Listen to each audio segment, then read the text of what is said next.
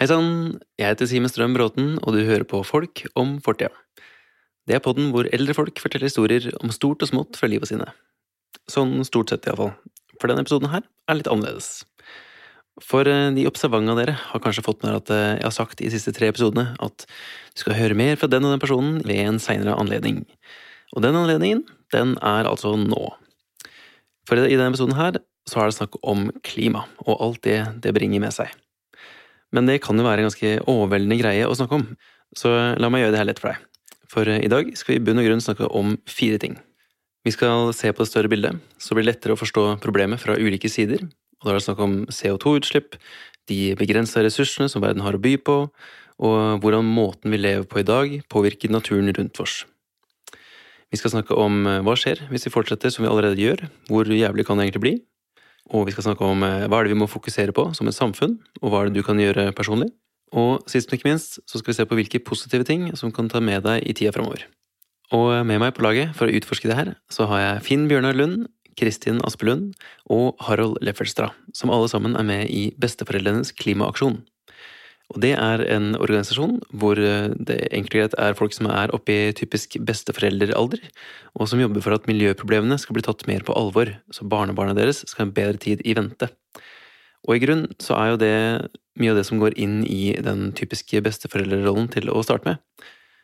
For hvis du ser på de tjenestene som besteforeldre gjør, den rollen som de har i livet til barnebarna sine, så jobber de jo egentlig for at de sjøl skal bli overflødige. Fordi da er på det alt lagt til rette for at de som kommer etter, har det de trenger, både rundt seg og i seg, for å klare seg på egen hånd. Og det er i grunnen akkurat det Finn Bjørnar, Kristin og Harald gjør i Besteforeldrenes klimaaksjon. I tillegg skal du få høre fra Hege Skarru, som drastisk trekker ned gjennomsnittsalderen her. Men Hege er eh, ikke minst god til å forklare det større bildet på en enklere måte men hun er også leder i miljøorganisasjonen Spire, og er den eneste jeg kjenner som regelmessig henger på Stortinget for å fronte miljøkampen, så hun veit en ting eller to om det vi snakker om i dag. Men først skal vi få høre fra Finn Bjørnar om hvor han får motivasjonen sin fra. For det er ikke til å komme unna at eh, klimaproblemene blir bare verre og verre, og spesielt når du har mer liv bak deg enn det du har foran deg, så er det jo på ingen måte en selvfølge at du skal kjempe for en verden som du ikke får ta like stor del i som de yngre som kommer etter deg. Det som gjelder oss som både foreldre og besteforeldre, og som er selvfølgelig følelsesmessig eh, viktig for oss, det er jo hva skjer videre. Og eh, til middag i dag så kommer eh, mitt yngste barnebarn, som 20 år. Og da eh, vet er det ingen mer naturlig tanke enn å tenke på hvordan blir Milla sitt liv videre når vi er borte snart. Ikke sant? Og, og ikke bare hennes, men også de nede i Afrika. ikke sant? De som sliter med ørkenspredning der, og de som skal lage mat i Sør-Italia. ikke sant? De eh, får det til enda så vidt, men det, det har vært veldig vanskelig med matproduksjon allerede en del steder på kloden. Og, og, det er det sånt som øker på. Så etter maten, da, men så er det hvordan skal man leve? Man liksom hvordan lever de i Bangladesh når havet stiger? og det, Alle de tingene der. altså Det er klart at det er naturlig for oss hvis vi har en solidaritet med menneskeligheten, menneskeheten, men så er det en, et sånt øh, Altså, jeg er jo glad i folk og syns at det er fint uansett hvor de kommer fra. nær sagt, så å, å gjøre noe for fellesskapet det syns jeg nesten er en forpliktelse vi har på kloden. Mm. Som en sa på gata til meg, delt ut brosjyre her i Oslo, så sa han du skal jo daue snart, du. er jo ikke, Hvorfor bryr du deg med det? Jeg sa det er nettopp derfor jeg bryr meg, fordi at det er noen som skal overta det som vi har gjort. Og, og skal ikke vi prøve å reparere litt nå? Og jeg stilte samme spørsmål til Kristin, faktisk, om hvor hun får hennes motivasjon fra, og hvorfor hun bruker så mye av sin tid på denne saken. Det er jo fordi at vi, vi ønsker at vi, dere ikke skal oppleve så veldig mye elendighet som, som den klimaendringen nå kan føre med seg. Mm. Så, det, så, det, er ganske dystert hvis du prøver å se helhetsperspektivet på hva som kan forvente eh, eller hva de kan vente seg, de som kommer etter oss. Ja, vi har virkelig skumma fløten, eller min generasjon, og bør ha dårlig samvittighet fordi vi ikke har tatt konsekvensene av det på et tidligere tidspunkt. Mm. Ja, altså, eh, som du sier, det er, det er, mye Det kan fort bli veldig dystert, uten tvil. Eh, men eh, med det da i, i bakhuet, hva er det som egentlig gir deg håp og kanskje motivasjon eh, i en sånn dyster tid? Altså, hvilke det, det, er, hvis vi blir mange nok så, som egentlig holder den saken eh, aktuell. Ja. ja. Det kan vi ikke gjøre sterkt nok. Derfor bruker jeg nå tida mi til, til, å stå på for denne saken. Både klima, men som sagt også naturen. Mm. Vi hører noen gang at å ja, du tenkte deg i en klimaaksjon. Har du bil? Ja. Hva faen? Og så, og skal du komme her og så fortelle andre at, de, at klimaaksjon, og så har, enda har du bil? Fossilbil? Det går ikke. Men jeg tror det er litt viktig at du behøver ikke være prikkfritt, perfekt, før du kan være med i en miljøorganisasjon. Fordi at hvis du gjør det, så nesten ingen kan være med. Og siste person fra Besteforeldrenes klimaaksjon er eh, han karen her, Harold Leffertstra. Og han ga meg et eksempel på det her med å være en del av miljøbevegelsen, selv om det ikke er perfekt på alle mulige måter. Og for hans del så gjelder det en flytur en sjelden gang. Ja, jeg kan selvfølgelig si at du behøver ikke ha noe weekendtur til New York for å kjøpe julegaver. Det er jo alle enige det er ganske meningsløst. Men så er det det av forskjellige grunner så giftet vi med en amerikansk statsborger. Så blir det at av og til så er det ting Besøker da, man begraves eller besøke svigermor. Altså, det er ikke så lett å unngå. Så enda jeg flyr, så kan jeg fortsatt si at ja, men vi må gjøre noe med flyreisene generelt. Så vi må en, en høyere avgift på, det er begrensning. Vi skal ikke utbygge Gardermoen med tredje rullebane, for det blir bare et enda større tilbud av flyreiser, og da blir det enda med priskonkurranse, og blir det billigere, og så er det jo Ja. Kanskje du kunne prøve å ta én sydenreise mindre? Og så gå istedenfor Ta prøve sykkeltur i Norge, det resten med tog, det gjør et eller annet sånn. Jeg vil bare ha sagt at den flylyden der var helt tilfeldig, men det passa så klart utrolig bra. Samtidig vil jeg slå et lite slag for det her med å ikke være perfekt, for det er jo absolutt ikke snakk om at alle handlinger du gjør skal være utelukkende positivt for miljøet, at du må vite hvordan arbeidsforholdene var i alle ledd før du kan kjøpe en T-skjorte. Poenget er bare at du skal tenke over det. At du skal tenke over at det er en miljømessig forskjell mellom den genseren som bestemora di strikka til deg, hvor du brukte nøster som kom fra ullen til to sauer i Brumunddalen, til den genseren du kjøpte for 80 kroner fra en eller annen enorm kjede, som ble produsert langt, langt unna under arbeidsforhold som du aldri hadde godtatt sjøl. Forskjellen er gjerne at den ene genseren varer så lenge at den går i arv, mens den andre er satt sammen av billigere materialer som ikke tåler like mye, får lettere hull, holder ikke like varm og må fraktes så utrolig mye lenger. Og det å se de større problemene her, det er faktisk der Hege finner mye av motivasjonen sin. At vi faktisk ser på hvordan ting lages og selges i samfunnet vårt, og hvordan økonomien i sin helhet er bygd opp. Eller hva slags rolle landbruket skal spille i tida framover. Sånne type ting. For meg så har det vært utrolig viktig. Det er sånn jeg har klart å få et miljøengasjement. Det har ikke vært med å snakke om at jeg, må, jeg som en person må redusere mitt plastforbruk, eller jeg som et enkeltindivid eh, må må gjøre dette eller dette eller dette, det syns jeg er veldig vanskelig, fordi, fordi eh, miljø- og klimaendringene har hele tiden vært et stort globalt problem eh, som store selskaper og det økonomiske systemet og politikerne har en mye større del av ansvaret for enn hva jeg har. Men likevel så legger man veldig ofte mye av ansvaret på individet. Um, og ja, uh, verden går til helvete fordi det er menneskeheten sin skyld, men det er menneskehetens system som har blitt bygd opp. Uh, og da er det ikke enkeltindivider innad i den generasjonen man snakker om, men det er sånn man har tillatt at det systemet har bare utvikla seg videre og videre, og videre og blitt så stort og så skadelig da, som det har blitt. Så er det vel det å være, være litt sint, da. og tenke at ah, nå er det krise. Det her er eh, faderen heller. Må, noe må gjøres nå. Eh, jeg har alltid vært ganske god på skippertak. Jeg tror at jeg synes det er en ganske sånn komfortabel stadie å være på. At jeg liker å ta et skippertak og bare Nei, nå må noen gjøre noe, da får det være meg. Eh, så jeg tror også det er liksom den der skippertak-delen, at vi har skikkelig dårlig tid, gjør at det er litt sånn litt ekstra motivasjon. At man skal liksom, Dette her skal vi klare. Klimakrisa, som er noe velger å kalle det, for den, den, skjer så brått, eller så mye fortere også enn forskerne tidligere har tenkt. Kommer så mye fortere. Den klimakrisa, den den største testen på menneskelig solidaritet som verden har sett. Vi har snakket om solidaritet med fagbevegelse og solidaritet med folk som har det vondt. Sånn. Men, men, dette er altså solidaritet med overlevelsen av kloden.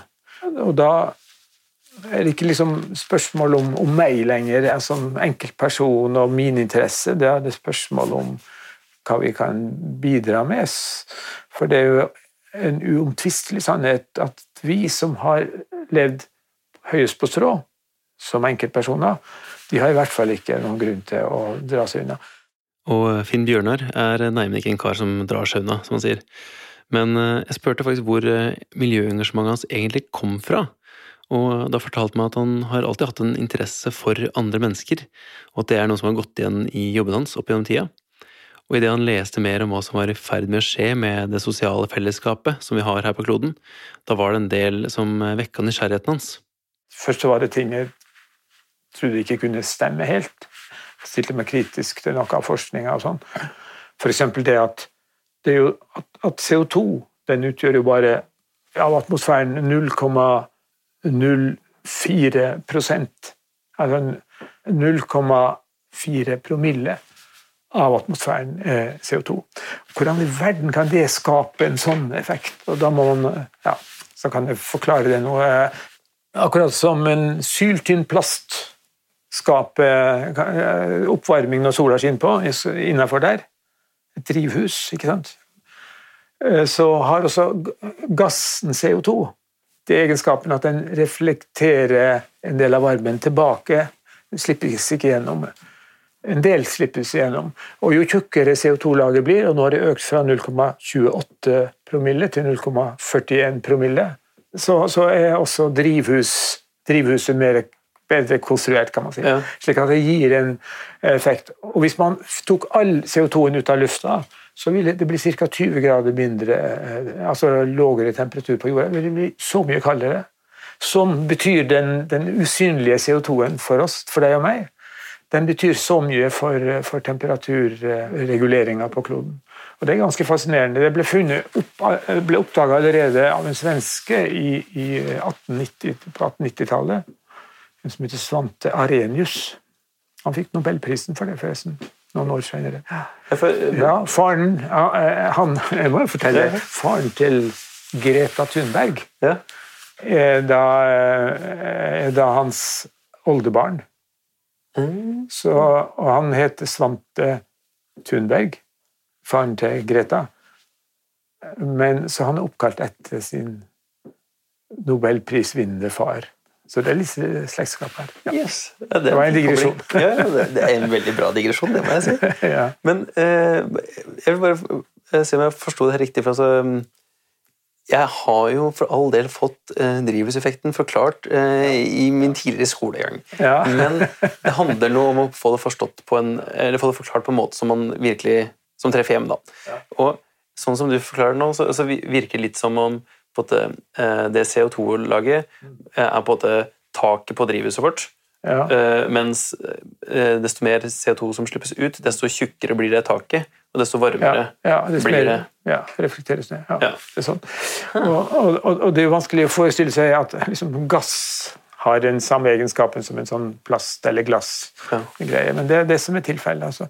Så, når sola skinner opp, så reflekteres jo en del av varmen. Hvis man har mye snø, så reflekteres mye av det, også en del gjennom det, tak, gjennom det laget. Men når det blir tykkere, så reflekteres mindre og mindre. Og En del av klimafornekterne de sier ja, men det kan ikke gi noe varme. CO2 kan ikke gi noe varme. og det, Da har de misforstått, for da tror de at eh, CO2 på en måte er en varmeprodusent, altså at det i seg sjøl avgir varme.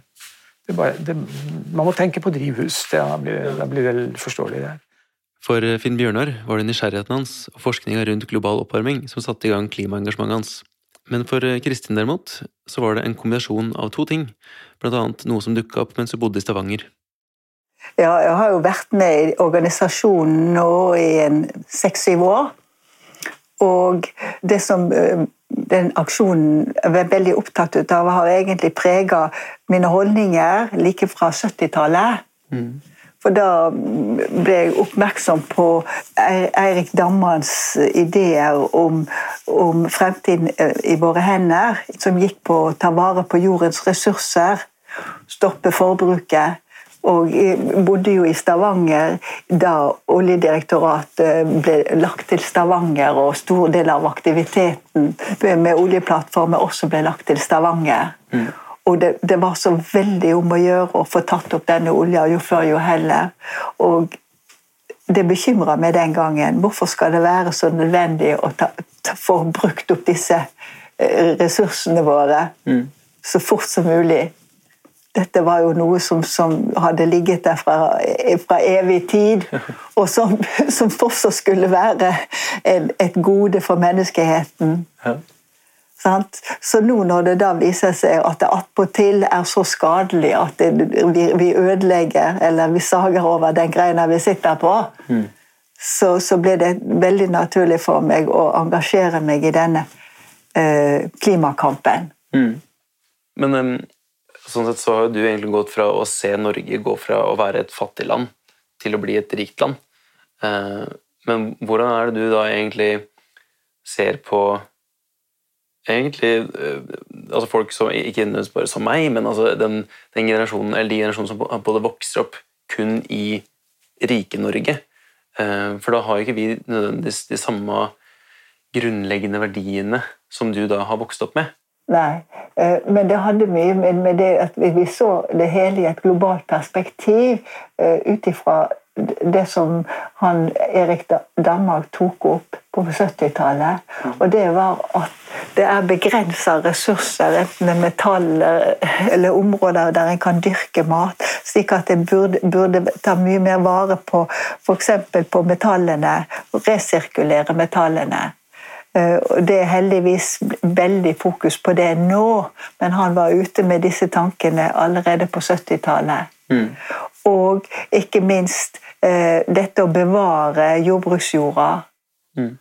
Ja, for, altså, det, det, er jo nesten lett å glemme bort at det er en begrensa mengde med ressurser når man bare går rundt på et kjøpesenter eller du går bare rundt i, i byen, og du bare ser all, du blir liksom bombardert med alle disse inntrykka man får. da. Ja. Så det er jo det er, det er, nesten lett å glemme bort at det, man må ta vare på det lille man har. Nettopp. Eller på, på, på si at det er, det er noe som, som, verden disponerer i fellesskap. ikke sant? Mm. Da jeg skulle til å dra fra intervjuet med Kristin, så kjappa hun seg opp trappa igjen mens jeg venta ned i gangen. Og da hun kom ned, så hadde hun med seg en bok som var skrevet av Erik Damman og den het eh, Verdirevolusjon. Og i den boka så snakker han om hvordan måten vi lever på, påvirker naturen rundt oss. Med andre ord hvordan økonomien vår påvirker økologien. Og det her er Heges time to shine, for å si det sånn. For det er et tema som vi kan veldig mye om. Utfordringa er bare å jekke det ned fra politisk stammespråk til noe litt mer lettfordøyelig hverdagskost. Uten å bruke på til alle dine mest fancy ord, kan du prøve å fortelle til, til liksom meg som har en, en veldig enkel grei designbakgrunn, jeg er flink til å kommunisere, jeg er god på farger og sånne type ting, men ikke så god på, på, på politikk. Ja. Mm. Ok, så um, det, det, man kan gjøre, er man kan se på liksom, lappen på, på klesplagg man har på seg. Hvor er det det kommer fra? Kommer kanskje fra ja, Bangladesh eller Kina eller Taiwan eller noe sånt. Um, hvis vi tar utgangspunkt i at det står at den er laget i Bangladesh, da. Så for å lage en T-skjorte så trenger man å eh, ha bomull fra for å produsere den T-skjorta, f.eks. Hvis den lages av bomull. da. Og da trenger man å sprøyte den bomullsåkeren, for, eksempel, for at ikke det skal komme Fordi man skal jo produsere mye bomull fort for å selge mange T-skjorter fort. Det skal også gjøres til en så lav pris som overhodet mulig, fordi man skal jo selge mange T-skjorter eh, til en lav pris for å få avkastning per T-skjorte, istedenfor å lage få T-skjorter eh, til en dyrere pris, hvor man må betale mer i liksom, verdikjeden da, i hele leddet, helt ned til til bomullsbonden eh, i Bangladesh, f.eks. Så det man da gjør, er jo at man betaler eh, penger for sprøytemidler. Eh, og da må man helst ha ganske billige sprøytemidler. Eh, og da er det kanskje masse kjemikalier i de sprøytemidlene eh, som man må putte på disse bom, bomullsplantene. Eh, som for, så vidt også er eh, sådd med frø, eh, som kanskje også er liksom eh, laga av et stort selskap. Eh, fordi de også lager veldig mye frø veldig fort. Eh, ganske billig. Kanskje ikke de beste frøa. Eh, også de frøa som drar til seg mye næring, og som ødelegger jorda. Fordi vi lar ikke, vi lar ikke de bomullsplantene være lenge nok. Så bare i bomullsproduksjonen vi har ikke kommet lenger enn til at vi har sådd frø, vi har putta på eh, sprøytemidler, og vi har noen bomullsplanter. Der er vi. Så der inne har man allerede ganske mange ledd bare for å starte produksjonen, den naturlige eh, i gåseøynene, produksjonen av bomull. Og der har vi putta inn da eh, frø som ikke er kanskje opprinnelig fra det området, eh, men er laga eh, mer kunstig. Og vi har putta på sprøytemidler, og vi har pløya jorda ganske mye. Og vi har bare bomull på den plantasjen. Så det er en bomullsplantasje som vi har på. Og da er det ingen andre eh, vekster rundt, da. Eh, og hvis det er noen andre vekster rundt, så vil de nok mest sannsynlig kanskje ikke overleve pga. Eh, sprøytemidler og kunstgjødsel som vi har tilført jorda for å kunne lage bomull fort. Og biene de kan du bare drite i at de kommer til å klare å bo der. Uh, og vi vet jo at biene er ganske viktige for at vi skal kunne overleve. Så hvis man har en bomullsplantasje, putta på masse dritt Bonden ja, hen er jo bare der for å, for å, passe på at det kommer så mye som mulig. Og da er det, når jeg sier hen, så betyr det at det er mange. Det er mange mennesker som jobber på den bomullsplantasjen for at du skal kunne kjøpe en T-skjorte i Norge til 99 kroner på en som er Mm. Det betyr at økonomien vi lever under i dag, pusher, penger, altså pusher verdien til naturen unna vei. Fordi vi skal tjene penger. Så, og vi tenker bare verdi i penger. Vi tenker ikke verdi i byene. I arbeiders rettigheter. I det å ta vare på jorda. Og det viser vi gjennom hvordan vi lager de tingene vi lager. Hvis vi putter på kunstgjødsel og sprøytemidler og eh, betaler ikke bonden eh, noe særlig med penger, og også ikke gir de nok beskyttelse da, fra både eh, varme dager, men også når det kommer til liksom, helse eh, og i møte med sprøytemidler, f.eks. Um, så vi tar, liksom, vi tar ikke vare på på de biologiske prosessene. Vi jobber imot dem istedenfor å jobbe med dem. Om man jobber med de biologiske prosessene, så koster det mer, fordi vi måler alltid pengeverdi. Men når man putter på de billige tingene og gjør ting veldig raskt, sånn at man kan måte, ha høyere og høyere avkastning hele tiden, istedenfor å la bonden eh, jobbe med jorda, eh, ha flere planter enn bare bomull, eh, ta vare på byene og forvalte jorda på en god måte, sånn at jorda kan være der i mange år framover. Det tar mer tid. Det, så den tiden og det, den forvaltningen av jorda og, og mennesker på en, på en, god måte, det er ikke en verdi. Verdien ligger i hvor mange T-skjorter selger man. Så det er det vi har gjort litt med samfunnet nå, er at man putter alt inn i en sånn pengeverdi. Og det ser vi også når vi snakker om klima og miljø, er at det må løses gjennom skatter, avgifter, eh, gjennom subsidier. eh, og tollsatser. Alle de her er pengeterminologien. Og alle de, liksom, man drar opp alle de pengeverktøyene fra verktøykassa istedenfor å spørre om hva er egentlig verdi. Hva er det, liksom, hva er, hva er det verdifullt for oss?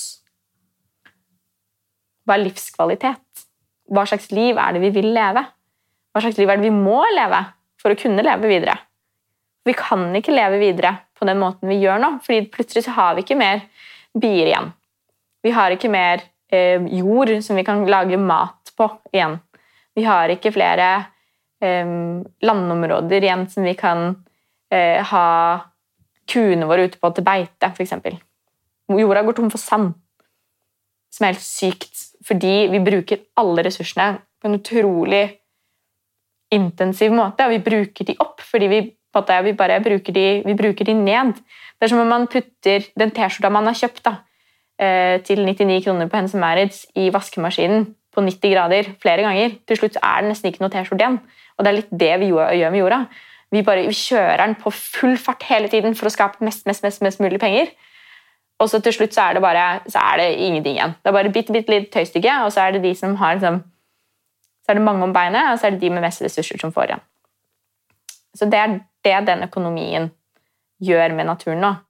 Ja, for vi jobber jo ut fra en tankegang hvor eh, det skal være mer vekst på det år for år, man skal tjene mer, man skal selge mer for hvert eneste år som går. Men det tar ikke hensyn til at naturen har på det en begrensa mengde med ressurser. At det er bare så og så mange trær, eller hva enn som tilfelle. Um, men at ja, eh, det som krever av naturressurser for å kunne lage alt det man vil tjene inn, det vil jo være veldig mye mer enn det naturen faktisk kan by på. Mm. Ja. Det som er viktig å huske på i det samfunnet vi lever i i dag, da, um, sånn som det er nå, er jo at man snakker om økonomi, og så snakker man om politikk. Og så har det, de to tingene blitt liksom man snakker om dem som om de ikke har noe med hverandre å gjøre. Men det er jo det det er. At økonomien er politikk. Økonomer kan ikke sitte og bare kalkulere og regne ut ting ut fra formler og modeller. Fordi det er ikke sånn jorda funker. Man kan ikke ha et økonomisk system som baserer seg på at man har har det sånn da, At man har økonomer som bare har laget noen formler, og så skal det bare da skal det bare være sånn. Ehm, fordi jorda er så utrolig mye mer enn det, og utrolig mye mer kompleks og spennende enn bare tall. Ehm, og når vi bare ser på tall, så får vi det systemet vi har i dag, hvor vi ødelegger jorda fordi vi bare setter verdi på ut fra penger, da, hvor mye noe er verdt i pengeverdi. Så man må sette naturen og menneskene så da naturen må være i sentrum, for menneskene er jo også en del av naturen. Mm. Naturen må være i, i, sentrum for å skape skape godt og rettferdig og bærekraftig samfunn, ikke økonomien sånn som den er i dag. Fordi den økonomien og den økonomiske modellen som, som vi baserer all vår politikk på, det er eh, en økonomisk modell som er skapt for å lage vekst i en form av økonomien skal vokse Um, og den har ikke skapt for å takle klima- og miljøproblemer. Den er skapt for at man skal ha økonomisk vekst, og da skal den økonomiske veksten skal i, i teorien da, eh, forvaltes rettferdig i samfunnet. Men det gjør den ikke. Så de rike blir rikere på det? De rike blir rikere, ja. Så med alt det der i bakhuet, en ting jeg personlig var nysgjerrig på da jeg satt og snakka med de folka her, var egentlig hvordan verden vår kommer til å se ut dersom vi fortsetter å leve sånn som vi gjør i dag. Vi har eh, eh ganske gode beskrivelser av hva som tåles av mer CO2. For, for, å først sprenge grensen på 1,5 grader, som er nesten umulig å, å hindre nå. For vi har passert en, godt over en grad nå. For det er økning i temperaturen? Den øker så konsistent parallelt med, med CO2-mengden i atmosfæren. Og det som jo alt tyder på, er at det fortsetter det fortsetter å øke heller enn å gå ned globalt. Det er ganske stor forskjell mellom 1,5 grad og 2 graders oppvarming for eksempel, og 3 grader og 4 grader er bare katastrofalt. Um, nå ser man jo at vi i Norge kommer til å ha nesten søreuropeiske uh, somre, f.eks. Uh, og det er ganske drastisk. Uh, det kommer til å endre veldig mye av hvordan um, fisken f.eks. Uh, farter, og hvor den gyter, og hvor den oppholder seg. Det kommer til å endre på koraller. Altså med to graders global oppvarming så vil alle korallene være borte. Er vel det man sier. Om man har to graders oppvarming, så det, det handler om uh, Jeg tror det er å, nå har jeg ikke tallene i jeg tror ti millioner mennesker mer på flukt enn med 1,5 graders oppvarming, f.eks. Det er kjempestore tall. Havnivåene vil øke utrolig mye. Øystater vil gå tapt. Um, vi vil ha eh, forørkning mange steder vil ha mange øh, Vi vil ha utrolig mye mer øh, skogbranner. Men når, når, tørken virkelig setter inn, så kan det bli svære, masse, masse folk, store folkevandringer. Mm. Og vi er ikke rede til å ta imot det og gjøre noe med det på en fornuftig måte. Og det, er, det ligger jo en krigstrussel i dette som ikke si, er overskuelig på, på dette. Og folk kommer som klimaflyktninger fra, fra, øyer som holder på å bli oversvømt, på havet stiger, eller, eller de må flykte pga. flomrisiko. Mm. Så, så det, er, det, er, en voldsom trussel for, for, si, for verdensfreden. For dere som, dere som, skal leve videre. Mm. Hege fortalte videre om at det vil komme hetebølger som tar livet av utrolig mange mennesker, og ikke minst at det er mange arter som kommer til å gå tapt. Faktisk kun i løpet av disse ti åra så står vi i fare for å miste én million av åtte millioner arter. Det er da ulike arter og ikke antall dyreliv. Vi kommer til å ha utrolig mye mer nedbør her i Norge. Det kommer til å være varmt, men det kommer til å være mer nedbør fordi vi, eh, vi er mer prone til å få nedbør her. Andre steder vil det være mm, tørke. Det vil være umulig eh, sør for Sahara eh, å drive jordbruk lenger, nesten. Det er derfor utrolig mange vil bli drevet på flukt, fordi matproduksjon er det viktigste eh, man har. Og matproduksjonen vil være vanskelig å gjøre, både i tørke, men også i flom. Spesielt når vi har det eh, jordbruket og de jordbruksmetodene vi har, sånn som vi har nå, da, som jeg fortalte om i, i bomull f.eks., eh, er jo at vi, vi har ikke en vi har ikke eh, jord som klarer å ta og holde på vannet i tørkeperioder, eller å drenere raskt nok eh, i flomperioder. Og det vil utsette eh, veldig mye av, av, matproduksjonen, og da også eh, vil føre til at sult øker. Og det gjør det allerede pga. klimaendringer.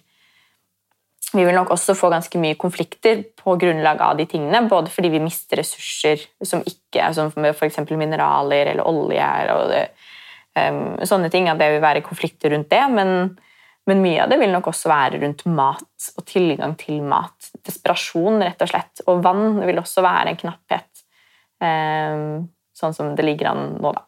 Mm. Så ikke en veldig eh, Og det her er faktisk snakk om på en måte bare noen få grader oppvarming. Eh, mer enn det vi har allerede i dag. Um, og da, derfor tenker jeg at man skal ikke være så jævla redd for å endre på de store systemene. Fordi man skal være jævlig redd for å ikke gjøre det. Det kommer til å gå eh, skikkelig dårlig med verdens aller fattigste mennesker, og det ser man jo nå allerede. Ofte så er det liksom I Malawi, da, for eksempel, når det er flom Det var flom eh, i Malawi og eh, Mosambik og Zimbabwe i, i eh, februar i år og da eh, handler det jo ikke om sånn som det er i Norge, at man kanskje får litt penger fra staten for å hjelpe deg. Altså, du er på helt bar bakke. Det er ingen der som hjelper deg. Mister du avlingen din, så mister du hele livsgrunnlaget ditt for det, hele det året. Da har du ingenting å falle tilbake på. Du har ikke noe penger som er spart opp i banken. Du har ikke noe sikkerhetsnett som kan redde deg. Og de tingene der kommer bare til å bli enda verre. Så det kommer til å gå utrolig hardt utover verdens fattigste, sånn som det allerede gjør. Så hvor starter vi? Eller hvor fortsetter vi? For det her er jo i full fres allerede.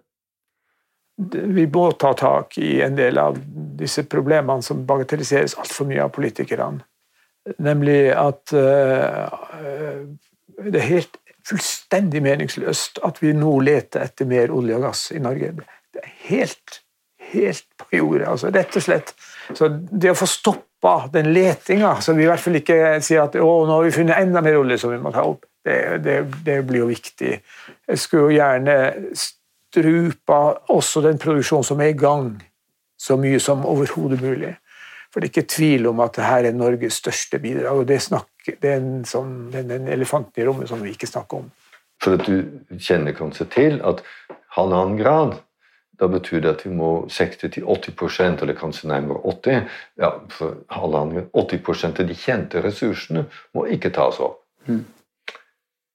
Hvorfor skal vi da begynne å lete etter ukjente ressurser? Altså 80% vi kjenner til, skal ikke tas opp. Bare 20% kan vi ta. Så det er stort sett tømme det som er. Og så er det noen som vi allerede vet, utvikle dem, og så er det slutt. Det er 20-40 år. Da er det tørt. Da har vi ikke noe mer. Men vi har 20-40 år å, å omstille samfunnet til en annen energikilde. Så det er jo mest meningsløse å dele ut. Og regjeringen har nylig gjort det. Og det har si, Greenpeace, Natur og Ungdom og Besteforeldrenes klimaaksjon, og de har fått støtte etter hvert for andre grupper. Rettssak mot staten mot å tildele disse lisensene. Vi mener det er i strid med Grunnlovens paragraf 112, som sier alle har rett på et sunt miljø. Og vi mener at et sunt miljø er ikke det som er konsistent med å dele ut flere oljelisenser. Altså, for at det tar kanskje fem, seks, sju år før man har funnet olje. så, så, investerer man, så begynner man å pumpe opp olje og få noe igjen for investeringen om ti år. Mm. Ja, de feltene kan gå i 30-40 år, for de er tomme ikke noe oljeselskap sier ja, men etter ti år, hvis det viser seg at det er så ille med klima, da, da stopper vi det. Det er økonomisk veldig ufordelaktig. Så det kommer ikke til å skje. Hvis de pengene var istedenfor investert i fornybar og energieffektivisering, så hadde man begynt på det grønne skiftet. Men eh, av andre ting så syns jeg jo også det at eh, trafikken som vi har i Norge, som baserer seg så mye på fly, eh, kan vi ikke bare fortsette med å altså, ha alskens reklame for at vi må reise så og så langt, så og så mye. Og, og avisene er jo fulle av fortsatt turer til altså, kloden rundt. jeg synes det er et godt poeng, spesielt det du nevner med, med reise. for altså det Eh, jeg det å eh, altså, det er veldig mange, eller man kan nesten si at folk flest eh, finner jo en glede ved det å reise og det å oppleve nye kulturer, men samtidig så Det eller hinter også til at man, man, må jo gjerne fly, man må jo fraktes fra sted til sted. Mm. Og spesielt i Norge, hvor det er et veldig langt land. Ja, det er ikke minst eh, fra Nord-Norge. Ja, for all del. Du har jo sjøl kjent på hvor lang den reisa der kan være. Ja og alle nordmenn med respekt for seg sjøl skal liksom være med på det her. Den slags ting må vi prøve å få redusert kraftig. Ikke at plutselig skal alle slutte å fly, men skal vi fly enda mer?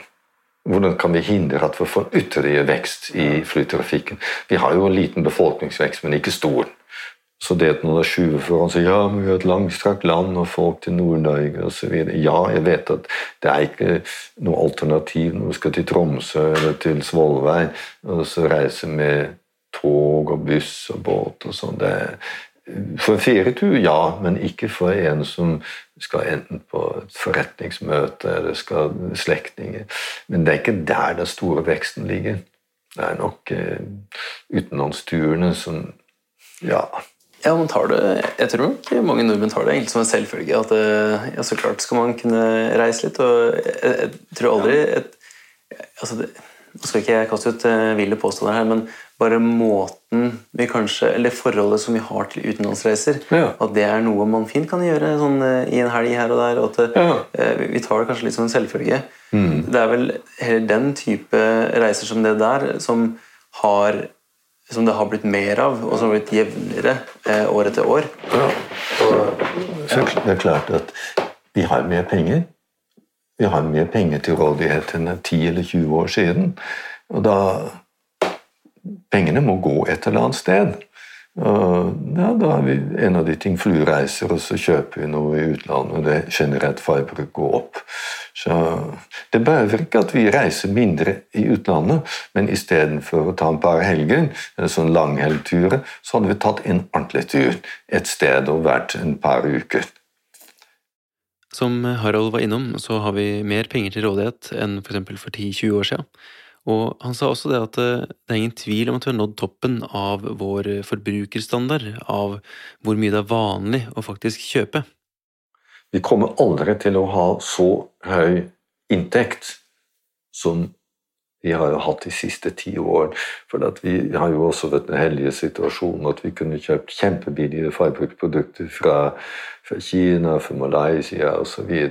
Og så vi har kunnet betale dem med olje og gass vi kunne betale dem med eh, servicevirksomhet. Altså, vi har jo mange konsulenter eh, på ulike felt som må kunne selge dyre konsulenttjenester til de land. Ikke kanskje direkte, men på det internasjonale markedet. Så vi har fått godt betalt. Som reflekterer seg de timelønningene vi har i Norge. Så ja, en drill. Det er jo kanskje én eller to timers eh, arbeid her, og så kan man kjøpe en drill. Og Sånn er det med mange andre ting som, som blitt forbruksgoder under telefon og filmapparat. Så vi har, vi har jo så høy standard. Mm. Og det gjør at vi har så kjempehøyt forbruk av ressurser, vi har en stor avfallsproduksjon. Så vi må knipe inn. Og det behøver ikke føre til noe dårligere levestandard. Ja, teknisk, vi kan ikke ha så mange nye vaskemaskiner og eh, ting og tang, men vi kan hende at vi får litt bedre tid. Og da er det med dele med på arbeidet kan også være en ting for arbeidsplassene. Og de får ikke mindre det er bedre tid bare å knipe inn på forbruket hvis de ikke da behøver arbeide mindre. Kanskje ikke 35-40 timer per uke, men kanskje 20. Er kanskje ikke så gærent. Et par dager i uka. Eller man har en periode man jobber et par år fullt arbeid, og så har man et år eh, sånn heter sabbat, sabbatical Man gjør noe annet. Sånn på'n igjen. Så det er økonomene som må finne ut akkurat hvordan de kan gjøre det. Og hvordan kan de få eh, et samfunn som ikke er basert på økonomisk vekst i det uendelige. Det her med å få litt bedre tid i hverdagen, det var noe vi snakka en del om, faktisk. For eh, nå til dags så virker det som at alle har det så travelt, og det å være travel ble nesten sett på som at du er ettertrakta, at du er vellykka i dagens samfunn, at det blir brukt som en positiv ting. Samtidig så er det jo en ironi, eller en slags kontrast iallfall, som ligger der. For spesielt her i Norge i Notax så har mange av oss muligheten til å gjøre det vi har mest lyst til, men samtidig så har vi ikke tida til det. Så på en måte så er vi for travle til å gjøre det vi har lyst til å gjøre. Og etter å ha snakka med Harald, så lufta jeg det her for Hege òg, for å høre hennes syn på det.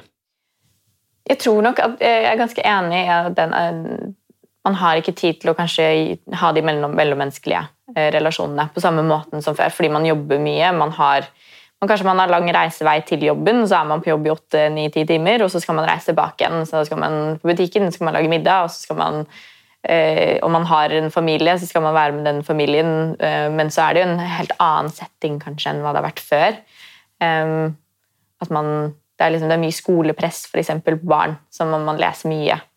Eller man skal på fritidsaktiviteter og sånne ting. Kanskje det er langt unna. Men det jeg tror er det, kanskje det verste, er det at vi har ikke noe tid til selvrefleksjon. Det er kanskje der det mangler ganske mye. At man har ikke tid til å stoppe opp og tenke på hvordan er det egentlig jeg har det, både i livet mitt, men også i samfunnet. Er dette det samfunnet som egentlig er det beste? Man blir fora med, med informasjon og tanker fra alle andre hele tiden gjennom sosiale medier eh, nå. At, at, man tar seg ikke tiden til å lage sine egne tanker lenger. Man jobber hele tiden, og så er man på sosiale medier, og så kanskje man ser på TV, eller sånt, men man, ikke, man setter seg ikke ned og faktisk reflekterer over overfor livet sitt eller samfunnet. Mm. Og de, de, store spørsmålene som man kanskje gjorde før. da. De spørsmålene der, om hvordan vi vil at samfunnet skal se ut, det er spørsmål som vi er nødt til å stille oss sjøl. Og fra Heges perspektiv så betyr det å leve mer i tråd med naturen, og vi forteller eh, hvor viktig det kommer til å være i tida framover. Men ofte så blir det argumentet kontra med at folk tror at man skal tilbake til middelalderen. Eh, og det er aldri noen som har snakka om at vi skal tilbake til middelalderen, men vi er nødt til å se på og jobbe mer med naturen enn hva vi gjør i dag. Og det er den endringen må til. Enten så endrer vi oss fordi på en kontrollert måte med oss selv ved roret, eller så kommer eh, verden til å endre seg uten at vi har noen som helst kontroll over det, og det ser vi at skjer allerede. Vi står midt i klimakrisa. Det er ikke noe som skjer om 50 år. Vi snakker om at vi skal holde oss under eh, to graders global oppvarming eh, fram til 2030. Um, eller lenger enn det. At vi skal nå noen globale mål da, eh, innen 2030. Men de målene liksom, det burde vi jo nå, ha nådd for lenge siden. Det er jo ikke et mål i seg selv å ikke gå over en grense. Det er en grense vi snakker om, det er ikke et mål. Um, så vi er nødt til å vi er nødt til å forstå at vi nå har én grad global oppvarming og hvis vi skal holde oss under to grader global oppvarming, så kommer det til å ha kjempestore konsekvenser også. Og kommer til å endre samfunnet vårt uansett om vi vil eller ikke. Uansett hva vi gjør av kutt, det er viktig. Men dess mer, dess bedre. Og så kan man si ja, ja, men hva koster det? Men de framtidige kostnadene blir så store. De blir så utrolig mye større enn det hvis vi gjør noe aksjon nå at vi bare de materielle skadene blir mye mindre. Og det snakker menneskelidelse holder vi utenfor. Det kommer i tillegg. Unngått menneskelige lidelser. For at, hva hvis vi får 20 millioner mennesker fra ulike land i Afrika og Asia hvis de må på, flukt, på, på flukt? Det er menneskelige lidelser. Så skal de integreres, og de er fremmede områder, og det ble sosiale spenninger ut av det. Så det ble veldig mye.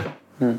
Som kommer på toppen av da de rent økonomiske verdier. Jordbruk tar for enormt. Bygninger må flyttes, og, og alle disse store, nesten alle store byer ligger ved havet. Dess lengre venter, dess brattere blir den omstillingen. Ja. Så hvis man nå sier at ja, 30 år fram til 2050. Det er fortsatt litt olje og gass som pipler og går i 2050. Om det blir produsert i Norge eller andre, det vet ikke jeg. Men, men, det kan man ha som, som et bilde. Men 30 år er en del å omstille seg. Hvor raskt et samfunn kunne omstille seg, se på andre verdenskrig. England gikk inn i krig med, med, med Tyskland, og på ganske kort tid så ble det bensinrasjonering, kunne ikke kjøpe privatbil, folk måtte mørklegge husene sine, det ble etter, nei, matrasjonering. Gikk det engelske samfunn til grunne? Nei. Det fortsatte å fungere sosialt bra. Ja, det ble en del mindre. Men tobakk, kaffe, alt sammen, det ble mindre. Det var jo for så vidt i Norge også. Så man greide å omstille seg uten at det ble helt håpløst. Og hvor man hadde bombardementene og alt. Det førte til lidelsene. Men denne knappe inn på konsumet, det var overkommelig. Mm. Og så ble det omstilling, krigsproduksjon. Så det gikk an. Og da er det snakk om noen få år. Hvis man har 30, 30 år og omstilling, det er klart at det går an. Mm. Men da, da, må man begynne nå, og da kan man ikke tviholde seg på tingene slik som de er nå. Denne omstillinga vil jo ta for seg veldig mye, og for noen vil det være nødvendig å se på hvordan du kan bruke de ferdighetene du allerede har, bare på en litt annerledes måte, og kanskje kan lære noe nytt og spennende underveis isteden. Men en ting som gjelder oss alle, er nok det å tenke mer på gjenbruk, for det er ikke alltid du må kjøpe noe nytt, ofte kan det være vel så greit å kjøpe det brukt. Og Kristin hun fortalte meg annet om hvordan hun så på gjenbruk som en måte å begrense sitt eget forbruk på. Det var jo noe som jeg tror veldig mange av oss som vokste opp etter krigen, eh, fikk inn med morsmelka, for å si det sånn. Mm. Eh, for da var det jo hele tiden snakk om begrensa ressurser. Mm. Ikke? Ikke fikk du, du, Ikke hadde du råd til, og ikke fikk du kjøpt uh, nye stoffer. Så det var snakk om å bare da uh, sy om igjen gamle klær. Uh, F.eks. til, til de minste barna. ikke sant? At du klipte opp kåper som de voksne hadde hatt, og sydde barnekåper av det, eller du snudde, du snudde det slik at nå innersiden kom ut, at det så ut som det kunne være nytt. Og vi tok vare på ting med det at eh, sokkene var jo gjerne hjemmestrikka, og vi, bruk, vi stoppa det. Vi stoppa sokkene, og vi reparerte tøy som var gått i stykker. Jeg skulle ønske jeg ikke trengte å spørre det spørsmålet her, men når du sier 'stoppa sokkene', ja. hva mener du med det egentlig? Ja, men det er vel noe som, som dere som vokser opp i dag, ikke, ikke, kjenner til. Nei, det var jo snakk om å, å sette eh, å bruke Eller det var hull på en, en sokk. Så stoppa du den på den måten at du brukte av garnet og, og så ei stor nål, og så tråkla du til en slags vev med det garnet som ja, var mest mulig likt det garnet som sokken var laga av. da. Okay. Altså, ja, du, du lappa den på en måte? Eller, ja, ja, ja. Du, du, fikk tetta hullet. Ja, ja okay. Tetta hullet. Ja. ja. Jeg tar med. Ja, ja. Det, er egentlig veldig eh, jeg merker, det, det er, er, nok spesielt et område som jeg gjerne skulle ønske jeg var bedre på. At jeg hadde litt mer eh, jeg burde nok brukt litt mer tid på å bare lære meg de grunnleggende eh, ferdigheter for å bare kunne klare å ja, altså få mer ut av de klærne som man kjøper. da. Ja. Eh, og at man rett og slett kan fikse litt, istedenfor å kun kjøpe nytt når noe blir ødelagt. Ja, så, men, andre, men gjenbruk også syns jeg ble, ble, veldig aktuelt for meg for, på 70-tallet. For da etablerte Fretex sine første butikker. Ja. Og det var råd å kjøpe, å kjøpe brukte klær. Og jeg hadde selv to små barn på den tida og kjøpte brukte klær der, og om det ikke passa eh, til barna, så var det veldig lett da, og, med symaskin som oftest, og så kunne forandre på dem slik at det ble passende både i fasong og størrelse. Mm. Og til dels også med det samme med meg sjøl. Kjøpte, kjøpte brukte klær der som Selv om det var litt ufasong, så med trening med symaskin så gikk det veldig greit å fikse det slik at det ble bra. Mm. Også klærne til meg sjøl. ja, for det er vel eh, Ja, altså Jeg vil jo si at det er noen sånne Hvis du skulle pekt ut Nå er det mulig jeg forenkler det her noe totalt, så i, i så fall får du bare slå ned. Men eh, for å, å, komme litt i gang med eh, litt sånn eh, enklere gjenbruk, da. Grunnleggende gjenbruk. Um, hva er det man trenger eh, egentlig enten å lære seg, eller hva er det du trenger sånn faktisk verktøymessig? uh, altså, det, er, det, jo vel I mange tilfeller vil vel nål og tråd uh, hjelpe mye? Det hjelper veldig mye. Nål og tråd, også gjerne en symaskin. Gjerne en symaskin. Men også i forhold til å ha den holdningen. Det, kan være en, en skosåle som, som, er løs, slik at du, du, du venner det til at ok, lim, lim er et bra verktøy. Mm. Slik at, at, at, du kan fikse ting. Mm. Og du får også gleden av det. For det er en voldsom tilfredsstillelse at du har klart sånne praktiske oppgaver. Ja, og Det syns jeg ikke man skal undervurdere. Altså for den der nærheten som man egentlig får når man bare har eh, altså, nesten Du har redda noe. Du har tatt noe som, du har, som begynte å gå eh, dukken. Det begynte å liksom, nærme seg slutten av sitt eh, levetid, men så kan du på det bruke dem igjen. Eh, og den der nærheten til, til klær, eh, den eh, er overraskende sterk, føler jeg. Ja. Altså. Eller noen sko som du er blitt glad, glad i. ikke sant? Sånn som du har vært de beste skoene, så kanskje begynner de å, å, å sprekke. ikke sant? At det da går an å fikse de enten hos en skomaker, eller du kan gjøre noen av de tingene sjøl. Mm.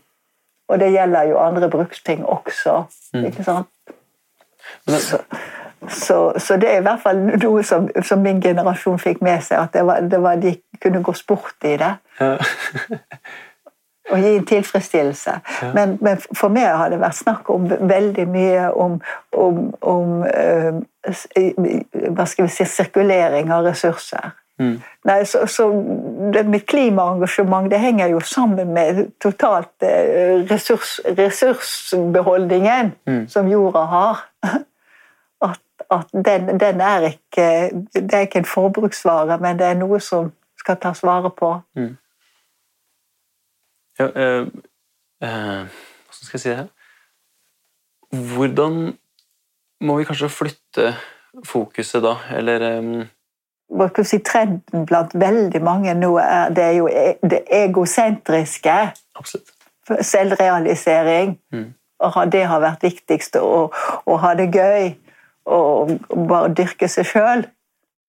Det var også noe jeg snakka med Hege om, om det å ha friheten til å jobbe for seg sjøl, og hva det egentlig betyr. Men det er jo ikke det som er frihet for meg. Frihet er jo det å kunne leve et godt liv sammen med andre mennesker og ta vare på samfunnet. Det handler jo ikke om det du snakka om, da, om å hele tiden leve over evne og hige etter å bli noe enda bedre. Men det er jo det som har blitt symbolet på frihet. Amerikanske drømmen handler jo om det. At man skal ha friheten til å kunne jobbe seg opp og bli styrterik. Men det er, jo bare en bløff i seg selv. Man har bare blitt lurt til å tro at det er frihet. Frihet handler om å, å ikke leve over evne og kunne eh, gi tilbake igjen til generasjonene som kommer etter seg, og de menneskene som lever på jorda også i dag. Eh, og ikke måtte utsette andres frihet, er for meg frihet. Eh, men nå gjør vi jo ikke det. Og det er akkurat spørsmål som det her som jeg tror er viktig å tenke over. Hva er frihet for deg? Hvordan ser egentlig en optimal arbeidsdag ut? Og hva slags samfunn vil du egentlig leve i?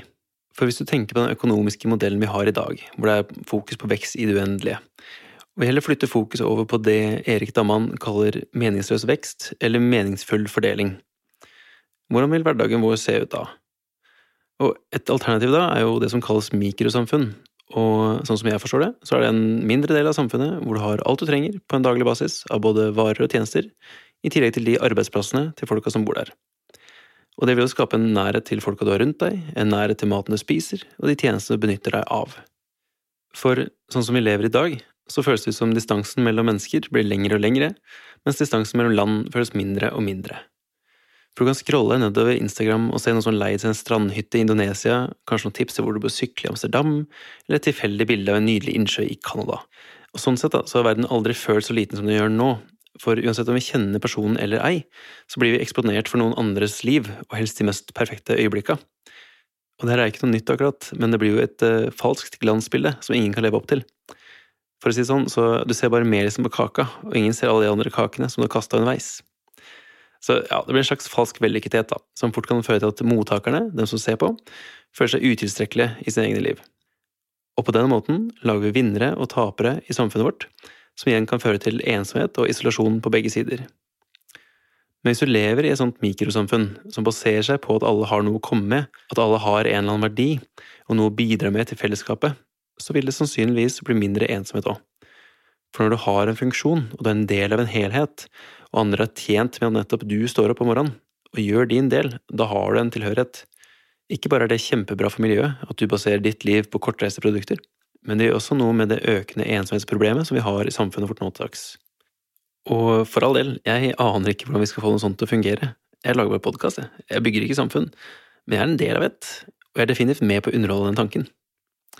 Så etter å ha snakka med alle de her, med Finn Bjørnar, med Kristin, med Harald og med Hege, så sitter jeg med det inntrykket av at alle finner en stor glede i det å kjempe sammen med likesinnede folk om noe som er større enn seg sjøl. Jeg må si at denne aktiviteten å delta i organisasjoner Det gjelder sikkert andre organisasjoner også. Det er ikke bare at man gir, man ofrer noe, men det gir også en mening med tilværelsen. Det gir sosial tilhørighet. Man er med i noe istedenfor isolert. Ja, for nettopp det med den eh, tilhørigheten der, det at du, du har Du hører til en gjeng, da. Ja. Du, du har, Ja. altså, Mm. Mennesker er jo veldig sånn flokkdyr, egentlig. Absolutt. Vi, altså, vi trives jo i, i grupper. Og det er jo grunnen til vår store suksess. At vi, har, vi som egentlig som individer vi er jo svake og skrøpelige. Vi løper ikke fort, vi svømmer ikke bra. Det er, vi er ikke spøytet steike. Så ennå har vi greid å dominere verden. først skaffe oss en bra tilværelse, og så etter hvert dominere så mye at vår suksess er også mye undergraver oss. Men det er en annen ting. Men det at vi er en gruppe, at vi føler noe bra ved det og eh, Det er jo våre instinkter, våre drifter. Det er å være en del av en gruppe. Mm. Ikke det for det. Jeg liker også å være en del alene og tenke over ting og som ikke behøver forholde meg. Men hvis det blir for lenge, da liker jeg å snakke med noe og så gjøre et eller annet som gjør sammen med andre. Så det tror jeg er viktig. Mm. Både Kristin og Finn Bjørnar nevnte også det med at det er rett og slett gøy å være sammen med andre og dra på aksjoner og møte deler av befolkninga som de ikke ville møtt ellers. Og eh, det var også noe jeg snakka med Hege om. Eh, å være med og jobbe og se engasjement og se at folk også blir gira på å ville gjøre noe, er jo det som gir meg motivasjon. Mm. Um, å se at ting funker sammen med andre og se at vi sammen skaper faktisk sånne Nesten litt som Ergda man snakker om, men at man på en, på en, annen skala, på en annen måte, man skaper et mikrosamfunn sammen. Da, hvor man jobber for et, en verden som man ser at det er mulig. Vi ser at det er mulig, og vi er ikke redde for den verden. Vi ønsker den verden, og vi kjemper for den verden hver eneste dag, og det er ganske kult. Mm. Ja, for det, det, er, eh, det er noe veldig fint med det å kunne være en del av noe som er større enn deg sjøl. Eh, fordi du, du, vil ikke nødvendigvis klare å gjøre eller utrette en altså, For alle, eh, alle kan gjøre, på det, gjøre, gjøre litt, eh, men når man jobber sammen om noe, så kan man utrette noe veldig mye mer. Og den der solidariteten i det, som går på det litt sånn eh, Ja, nesten på tross av det egosentriske utgangspunktet som man gjerne har noe til dags. Veldig fornøyd med den setningen der, forresten. Mm.